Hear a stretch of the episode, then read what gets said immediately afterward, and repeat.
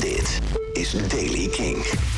Op voornamelijk wat bewolking in het noorden na is het vandaag een zonnige en droge dag. Het wordt 18 graden op de Wadden en in het zuiden lokaal 24 graden. Morgen een stuk warmer en zonniger, dan kan het al 27 graden worden.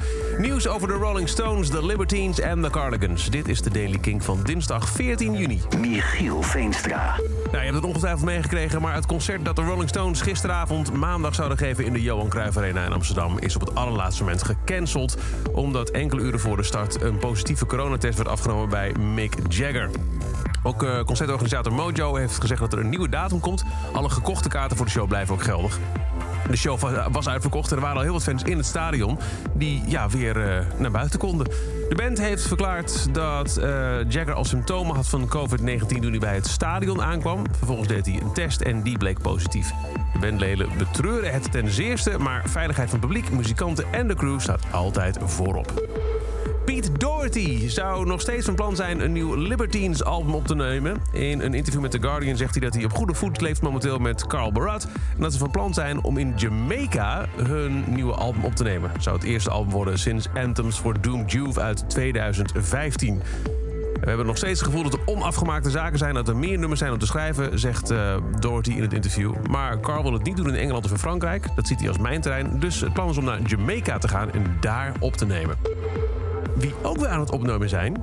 Ja, voor het eerst sinds 2005 zou er nieuwe muziek kunnen komen van The Cardigans.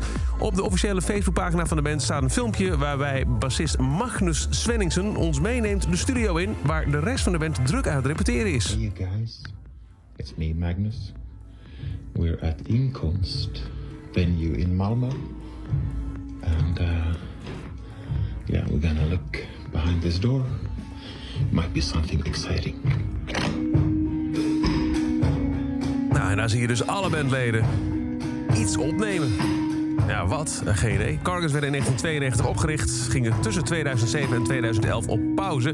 Maar ondanks dat ze na die pauze dus wel weer zijn gaan optreden... hebben ze sinds 2005 geen album uitgebracht. Het laatste stamt dus uit 2005 en was Super Extra Gravity. Maar waarschijnlijk dus binnenkort nieuw werk van The Cardigans.